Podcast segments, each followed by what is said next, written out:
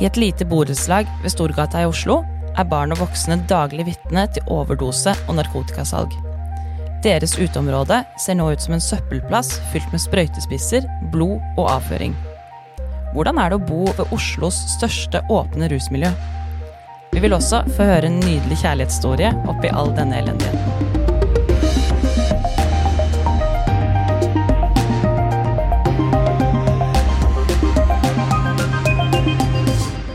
Velkommen til Oslopodden, din ukentlige nyhetspodkast fra lokalavisen Vårt Oslo. Hvor jeg, Oda Guleng og Vegard Velle går nærmere inn på én nyhetssak fra bybildet den siste uka. Og denne uka her så skal vi snakke om hvordan det er å være nærmeste nabo til Oslos største åpne rusmiljø, som holder til på eh, Bernt Ankers gate rett ved Storgata. Ja, det er eh, ikke bare Oslos, men Norges største rusmiljø som eh, befinner seg i Oslo sentrum. Eh, og vi ønsker å snakke med noen som bor i Ebba borettslag. Mm. Eh, de opplever fra soveromsvinduet sitt så opplever, opplever de skrik, vold, trusler, overdoser, blod på fortauet, innbrudd, bygging av hytte for overnatting. Ja, det er en lang liste med ting som man opplever når man bor eh, rett nede ved Storgata. Og de fleste kan forstå at eh, dette ikke er enkelt. Mm. Og det her er jo et borettslag som eh, gjentatte ganger har forsøkt å gjøre noe eh, med det også, gått i dialog med kommunen, så vidt jeg har forstått. Ja, og eh, litt av bakgrunnen for at vi tar opp dette i dag, er eh, fordi vi kom over at beboerne, naboene i, i Lille Ebba borettslag, var på besøk på rådhuset. Eh, de fikk møte sosial- og helsekomiteen i bystyret, og fikk snakke om sin sak for politikerne i Oslo. Eh, og eh, der eh, fortalte de om den fortvilte situasjonen som de opplever hver dag, og ønsker at Oslo kommune skal gjøre noe med dette her. Mm. Og nå er det jo Altså, rusmisbrukerne i Oslo, de tenker jeg i hvert fall, de har jo blitt kasta rundt ganske mye, egentlig. Først så var de De har vært på Slottsparken, og så, jeg husker da jeg var liten, så var de på Plata ved Oslo S. Og så har det vært eh, mye rundt eh, Brugata, og nå er de oppe da ved, ved Bernt Ankers gate og Kristparken og, og rundt der. Og jeg syns jo det er veldig trist også, for det viser seg at det er et problem som er veldig vanskelig å gjøre noe med. Eh, jeg tenker at det er jo ingen som, som våkner opp en dag og tenker at jeg vil bli rusmisbruker, men de blir, de blir altså kasta rundt eh, i uh, Oslos gater uten å ha noe sted å gå. Og så er jo det også mennesker med triste skjebner da, som har rett på et verdig liv. Um, men samtidig så forstår jeg så godt også at det blir et problem når, du, når man bor med de menneskene her rett utenfor, hvor du da altså vasser i sprøytespisser, og bakgården din blir en søppelhaug. Ja, og akkurat eh, i området rundt Storgata så er det jo veldig mange Nå er det ikke bare i Storgata man opplever dette her i Oslo. Eh, også i Urtegata eh, mm. på Grønland, eh, eller nederst langs Akerselva og på Vaterland, så er det også eh, ganske mange rusbrukere eh, som er samlet på ett sted. Men ifølge uteseksjonen så er kanskje det aller største miljøet i Oslo akkurat nå i, i Storgata og gatene som er rundt i området der, f.eks. Maribos gate eller, eller, i Bernt Ankers gate, som vi snakker om her. Mm. Eh, og for å snakke om den situasjonen her, så har vi invitert en gjest. Pernille Østli. Hun bor eh, i et borettslag som nesten er som en liten sånn gallerlandsby i et eh, erobret romersk landskap. eh, og, og, føler seg da litt sånn eh, isolert. Eh, Eh, kan du, Pernille Østli, eh, som var eh, og møtte helse- og sosialutvalget på rådhuset, kan du fortelle hvordan det var da du flytta til, til Bernt Ankers gate? Hvordan var det området da du kom dit? Ja, hei. Tusen takk for invitasjonen. Dette er fint å kunne komme og løfte den problematikken artig innledning. Jeg vet ikke om jeg skulle dra den joken på sånn Og hvor ofte tenker du på Romerike? ja, det har blitt en greie det blitt nå. En, det har blitt en greie, greie nå. med menn. Ja, for jeg gjør det sjelden. Ja, jeg så jeg heller. tok ikke helt referansen. Nei, ikke sant? Men ja. Nei, altså jeg har jo bodd Det, altså referansen i, i altså Enhver Asterix åpner med at det er en liten gallerlandsby som gjenstår, som ennå ikke er erobret av Romerriket. Der bor Asterix og Obelix, og de kjemper mot liksom, det store romerske riket. da. Mm. Så det er litt sånn jeg, sånn jeg tenkte det når jeg hørte om, eh, om det lille Ebba borettslag, som da i et eh, landskap av, av masse trøbbel må ta denne kampen mot Oslo kommune, politiet, uteseksjonen, bymiljøetaten osv. for å bli hørt.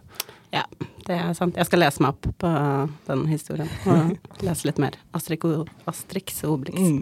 Um, nei, jeg har jo bodd da i Ebba borettslag. Jeg flyttet inn i 2006. Det begynner å bli ganske Ja, det er lenge lenge siden. siden. Mm. Da har du bodd her en god stund. Bodd der en god stund. Jeg har gått gjennom ikke sant, ungdomstiden og studietid, og nå inn i ja, voksenlivet. Um, og så når jeg flyttet inn dit i 2006, så var jo fortsatt dette området hva skal jeg si, et litt sånn uh, mørkt en litt sånn mørk flekk på kartet. Mm. Um, at det ikke var, mye, var så mye der, egentlig? Eller at det var litt Altså, belasta det, det, da? var et, det var et belastet uh, område da også, i hvert fall sånn per definisjon. Jeg opplevde ikke at det var noe, verken noe skummelt eller noe utfordrende uh, sånn da, men det skjedde jo ting da òg. Men det var på en annen måte. Det var da mm, det sto folk og solgte hasj over Eventyrbroa. Det var Ja. mer liksom rundt eh, den biten. Det var når Torgata fortsatt var kebabgata. Ja. Og man tok litt eh, fart og løp gjennom den eh, hvis klokka var etter på en måte midnatt. Det var såpass, ja. Jeg husker det, Da var det jo Kakadu og Kafé Sara som regjerte som de eneste utestedene. nesten. Det stemmer, og jeg er veldig glad for at de fortsatt gjør. Mens i dag så er jo gata oversvømt av utesteder. Ja, Ja, det det er har det. Men de lever heldigvis fortsatt. Um, nei, så det har jo på en måte vært et, et område som har hatt sine utfordringer i mange år. Eh, Jeg har naboer som har bodd der enda lengre, og det har jo alltid vært på, altså sånn, Det jeg tenker jeg er en del av pakka med å bo midt i, i sentrum av en hovedstad. Um, Men det som har sakte, men sikkert på en måte eskalert, har jo blitt fra at det på en måte var dette hasjsalget, til at det har ble Jeg vet ikke om jeg skal gå gjennom litt sånn tidslinjen her, egentlig. kanskje? Jo, gjør gjerne Gjør det. gjerne det, altså. Ehm, litt sånn, jeg snakket med en nabo i går som flyttet inn i 2017, som sa da hadde man fortsatt en følelse av at vi bodde liksom på eh, nedre Sankthanshaugen, som det faktisk er. Eh, det er det ingen som går og kjenner på nå. Ehm, da var det Ja, altså sånn Da var det på en måte det rusmiljøet Da oppholdt de seg på andre siden av eh, Storgata, nede ved Gunerius, Mm. nedover der. Eh, Det husker jeg fra jeg var liten. Mm, eh, det var busstoppet var der. Så dette her ble på en måte blandet inn i en masse av mennesker som eh, var i konstant bevegelse. Man eh, så det ikke på samme måte, man opplevde det ikke på samme måte. Det betydde ikke at det ikke var uh, salg og kjøp og bruk i det området, men det var på nedre siden. Tror du det var mer skjult også på en måte? At det har blitt mer åpent? Det har utvilsomt blitt mer åpent. Mm. Uh, det handler jo på en måte også om det, på en måte en, eh, uten at man skal liksom politisere dette nå, men, men med at man har liksom rett og slett politisk valgt at dette skal være Ja. åpent. Man har valgt å ikke Med rusreform? Eh, ja, ja, en halvveis en i hvert fall. Ja. Men da, men da sier du at for seks år siden så var det en helt annen stemning i det området eh, enn i dag. Ja. Det var eh, fortsatt på en måte eh, Jeg vil ikke kalle det belastende da, men det var jo fortsatt ja, sentrum av en bydel. Eh, så kom eh, opprustningen av Storgata. Det førte til at det ble eh, ekstremt mye bygging rundt omkring. Når var det? Ja, var det ikke rundt da omkring 1718 eller noe sånt når de startet? Ja. Store deler av eh, gata ble jo rett og slett sperret av, for de Mm. skulle oppruste den og flytte da det gamle Brugata trikk- og busstoppet lenger bort mot uh, Folketeatret. Eh, som, som gjorde at det dannet seg veldig mye sånn skjulte hulrom rundt omkring. Det var bare Ja. passasje, det var ikke biltrafikk. Ikke? Mye av dette på en måte forsvant, og så kom pandemien Mm. og gaten døde. Det var ikke lenger mobilitet blant alle. Alle andre satt på hjemmekontor eller var permitterte. Og da eh, Vår opplevelse er at liksom i det momentet så eh, etablerte det seg. Det var en lang, lang periode hvor det ikke var mennesker ute. Det var ikke noe andre som på en måte hadde noe insentiv til å egentlig ta tak i dette, for alle var hjemme. Mm. Det skjedde ikke noe, var ikke noe bevegelse. Og da Ja, det er i hvert fall min opplevelse at da på en måte ble det en litt sånn etablert sannhet at der skulle de være, da. Mm. Eh, og så har vi jo sett da, ikke sant, sakte, men sikkert, at dette eh, miljøet har på en måte bare vokst. Det er flere og flere mennesker. Det er tyngre og tyngre eh, rusmisbruk, åpenlyst. Det er kjøp og salg, helt åpenlyst. Det, altså, jeg kan Jeg tror det er på en måte det fåtallet ganger jeg går hjem eller ut uten å bli tilbudt noe. Um, Og det er vel av den grunn at vi akkurat nevnte rusreformen i stad. Altså for den skal jo nettopp eh, tillate rusbruk til eget bruk. Eh, det er jo litt av tanken med dette her, fordi at man ser på det som en medisin. Og nå sier du at det, det nærmest er blitt en slags rusreform, for at det skjer i all åpenhet istedenfor eh, som et forbudt stoff. da. Ja, og det er jo faktisk. Altså sånn, det har de vel også eh, gått ut, politiet sagt også, at de ikke, ikke gjør noe inngripende tiltak der. Det kan jeg for så vidt stille meg 100% bak det, altså. Eh, sånn den I den forstand at man tenker over at dette er mennesker som trenger medisinen sin. Eh, men eh, utfordringen er jo at mm, med den skisserte rusreformen skal det jo også være noe hjelpetiltak. Det skal jo være noen andre ting som på en måte som et nettverk som skal fange opp her, da. Og her opplever vi at vi har på en måte gjort første halvdel, vi har legalisert, og så er det absolutt ingenting som gjør at akkurat i det kvartalet jeg bor, så har det på en måte bare blitt et sånt lovløst kvartal. Mm. Så du tenker at eh, med korona så eh, på en måte åpner man for at dette Altså det blir mer og mer eh, mange flere mennesker der i løpet av 2020-2021. Altså de siste to-tre årene Ja. så har dette vokst voldsomt i omfang, tenker du. Ja, utvilsomt. Det har vokst i omfang, og det har, opp, det har vokst også hva skal jeg si, i, i type rusbruk og i aldersspenn. Eh, rusbruken er jo noe av det som vi ser på som eh, utfordrende på den måten at ja, ikke sant, fra de gamle gutta som trenger medisinen sin, eh, litt knekk og den gamle klassiske liksom lita-god-joken der, Som egentlig er ganske harmløse. 100% harmløse i de aller fleste tilfeller. Ja.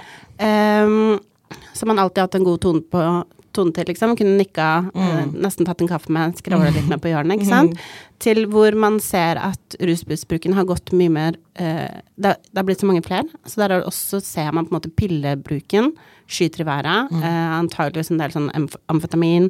Eh, en del andre ting som, som, som trigger atferd hos mennesker, som gjør at, at eh, aggressiviteten har eskalert, og volden har det, og så ser man jo at det er på en måte Det er jo en organisert eh, dealing på utsiden av Når du sier våre. aggressiviteten og volden har eskalert, hva er det du ser egentlig? Nei, det er, altså det er jo eh, kjemperusa mennesker som vaser rundt, eh, sinte.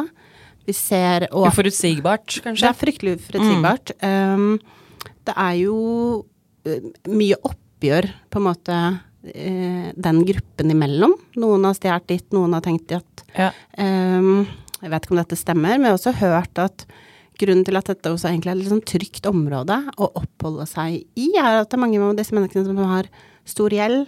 De har eh, kanskje noen som er ute etter seg. Dette er et område som er kjempegodt overvåket. Mm. ja. Så det er også trygt å her vil det seg. egentlig ikke skje noe. Ikke i den Man risikerer i hvert fall ikke å bli drept. Nei. Mm. Men så miljøet har også endra seg, altså selve rusmiljøet, da, siden du flytta Ja. dit, og i etterkant egentlig fra ja, mm, 2017 og til etter pandemien, med at det har blitt mer uforutsigbart, litt andre typer rusbrukere også. Ja. Det oppleves ikke sant? Det oppleves som at nå har man på en måte Nå har man rusmiljøet, men så har man på en måte dyttet inn på en måte den aggressiviteten og kriminaliteten inni dette. Og så da også med ekstremt mye flere mennesker. Eh, dette er jo ikke mennesker som har det så godt, som også er jo en eskalerende faktor for at triggeren er eh, kort til at man ikke nødvendigvis tenker hva som er mest hensiktsmessig, og hvordan det er mest hensiktsmessig å oppholde seg eh, og oppføre seg i et nabolag. Så det er jo mye ikke sant? Det er mye hærverk. Det er avføring i alle former og fasonger, på en måte. Det er blod. Ja, Det er uh... Jeg lurte på det, Du har jo fortalt litt om det nå allerede, men kan ikke du altså, fortelle litt om hverdagen? Hvordan er det å bo der i hverdagen? Hva er det du må gjennom ofte i løpet av en dag eller en uke? Da? Hva er det som er vanlig for deg som folk som ikke bor i de miljøene, kanskje ikke vil tenke på, for å male et lite bilde for de som hører på hvordan, hvordan det er. Mm. Jeg har jo ikke lyst til at det skal være sånn der stakkars oss, på en måte. Vi eh, Nei, nei, det er jo flere sider av Abs saken også, vi kommer jo inn på det også, men jeg bare Mm. lurer på hvordan det er for dere som bor der. Hva dere må forholde dere til. Nei, vi må forholde oss til ting som jeg ikke tror at de aller fleste hadde godtatt at hadde skjedd utenfor sin inngangsdør. Um, det er jo ukentlig, om antageligvis ikke hver dag, må man ringe med bekymring om overdoser. Eh, det er, ja, ikke sant, det er eh, sprøytespisser. Mm. Det er forsøpling. Ehm, Det er vondt å måtte ringe om overdose hver dag. Altså ha et annet menneskets liv i sine hender hver eneste dag. Det er ganske mm, vanskelig. Ja, det er Altså, det, jeg har snakket med naboer som syns det liksom, Det er rett og slett emosjonelt liksom utfordrende og draining å måtte stå i dette. Det er jo eh, Jeg kjenner jo selv at nesten hver eneste gang jeg går ut av porten hjemme, så må jeg ta stilling til liv og død. Det er kanskje å sette det litt på spissen, men altså, mennesker har dødd i vårt portrom av overdoser. Eh, man har sparket borti ting, eller mennesker som ligger der. Man har eh, unngått å gjøre det. Eh, Man har gått andre veier fordi at her er den Dette føles ikke trygt. Så det føles på en måte som at man har et ansvar som man ikke har noe verktøy å håndtere eh, dette med. Og så har man heller ikke noe instans å ringe, ikke sant. Det sånn, jeg snakket også med en annen nabo som, som sa at han hadde forsøkt å ringe politiet om ikke sant, utagerende atferd utenfor. Eh, etter liksom andre gang fått beskjed om at vi, eh, vi prioriterer ikke disse sakene, så gir man jo opp. Det høres jo voldsomt ut det her. Hvordan føler du eh, på dette her, da? Ja, hvordan føler man på det? Altså sånn, det, det Jeg er jo kjempeglad for at vi kan komme hit og snakke om det. Det oppleves som at politikerne har nå eh, et ønske om å faktisk høre eh, om vår opplevelse av det. Eh, men det er jo slitsomt å måtte stå i dette hver dag. Man ønsker jo bare liksom å kunne bare bo et sted uten å måtte forholde seg til, eh, til dette. Og så kjenner man at man får masse omsorg for disse menneskene som som sliter dag ut og dag inn. Man skulle ønske at man kunne bidratt på en annen måte. Eh, og da tenker jeg at sånn, den tilnærmingen som, som liksom ligger litt sånn latent, i hvert fall for meg og, og for mine naboer og vi som sitter i styret, er jo liksom Det er ikke fakler og Hva heter det? I, ja, vi skal ikke jage de bort Nei. noe sted, men det trengs liksom trengs tiltak og tilstedeværelse. Mm. Hva tror du hadde skjedd da hvis dette skjedde på Ullern eller på Smestad? Tror du hadde, at det hadde skjedd noe da? Jeg ønsker ikke å nesten kommentere det. Nei, nei åpenbart. Altså sånn For det er jo noe med det at man, man er jo menneske, dette, og, og jeg kjenner jo på en dager hvor liksom jeg blir kjempelei av dette, og så kommer det en artikkel om noen er kjempesint på et nytt sykkelfelt, så kjenner jeg sånn Kom og bo her litt, grann, da, så Mm. kan du kanskje kjenne litt på hva Ja. Men så skjerper man seg og tenker sånn, ja, det fins jo selvfølgelig flere vinkler. Og um, Du har jo fortalt om nå altså, at du daglig må gå forbi mennesker som du må ta stilling til om du skal ringe for overdose eller ikke. Sprøytespisser. Uh, mye søppel, mye altså at det- søppel er ja. avføring, det er blod. Ja, blod. At det er ubehagelig å være der. Og jeg, jeg er veldig opptatt av måten man snakker om rusmisbrukere på også, fordi jeg mener at de blir snakka ganske mye stygt om, og nesten som om ikke de har retten til et uh, verdig liv, som de absolutt har. Men det, er- det er en tung skjebne og en sykdom. Uh, men så skjønner jeg også at det er veldig hardt å bo i over veldig lang tid. Og på, den, eh, på det innlegget som du hadde for eh, helse- og sosialutvalget, så, så sa du noe om det at eh, man blir mer inhuman når man blir mer desperat. Mm. Føler du at du i utgangspunktet er en tolerant person? Ja, det liker man vel å tro om seg selv. Ja. Eh, jo, det tenker jeg jo. Jeg mener jo genuint at eh, vi som samfunn har et ansvar for å ivareta disse menneskene her. At vi må tilrettelegge for tjenester og, og trygge tilbud, sånn at de faktisk får den hjelpen som, som de fortjener. Eh, og så har man noen dager hvor man bare er liksom møkk lei Mm, eh, av å måtte deale med ja, liv og død, og oppkast og spy og blod og krangling og vold og ikke sant, All disse, og en sånn derre varsko til myndighetene som man liksom ikke føler at man blir hørt på i det hele tatt. Um, For dere har gitt beskjed mange ganger, har dere ikke det? Og... vi har gitt beskjed veldig veldig mange ganger, og det som egentlig ble en sånn utløsende trigger, og det er jo litt interessant egentlig, fordi at uh, vi har prøvd å si fra uh, snilt og pent, Uh, var nå i sommer hvor vi får et miljøgebyr fra, er det miljø, Bymiljøetaten, Mm. om at eh, vi ikke holder det rent nok på fortauene på utsiden hos oss. Som jo er ironisk, fordi eh, her har vi prøvd å si ifra at dette er en utfordrende situasjon i lang tid, og så ender vi opp med straffen fordi at vi ikke har ryddet opp da, ikke sant. Avføring, sprøytespisser, som for det første er spesialavfall. Skal man belemre faktisk liksom et borettslag eh, uten Vi har til og med spurt om vi kan få spesialutstyr til å håndtere det, og ikke fått noe svar. Eh, så det blir en sånn sirkel av ting som er liksom Ja, det, jo, det høres jo fryktelig provoserende ut at Oslo kommune kommer og skal gi dere ansvaret og også stille opp med midlene Ja. for å rydde opp for et problem som egentlig ikke dere har ansvaret for, men som det offentlige, politiet, eh, Oslo kommune eh, må ta grep om. da. Mm. Har du, har du prøvd å snakke med, med brukerne selv? Eh, hva sier de om atferden der? Altså, nå er det en stund siden vi har hatt en øh, Har faktisk hatt en sånn ordentlig god dialog med det. øh, Fordi, rett og slett fordi at dette miljøet har utviklet seg så til å bli så stort, eh, og nå føles det farlig på en annen måte. Så man tilnærmer seg ikke det miljøet sånn som man gjorde før.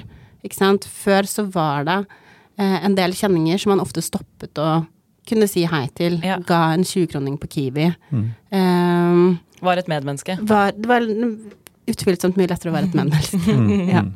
Um, men nå tror jeg ikke vi på en måte gjør det lenger. Altså man beveger seg så fort som mulig forbi.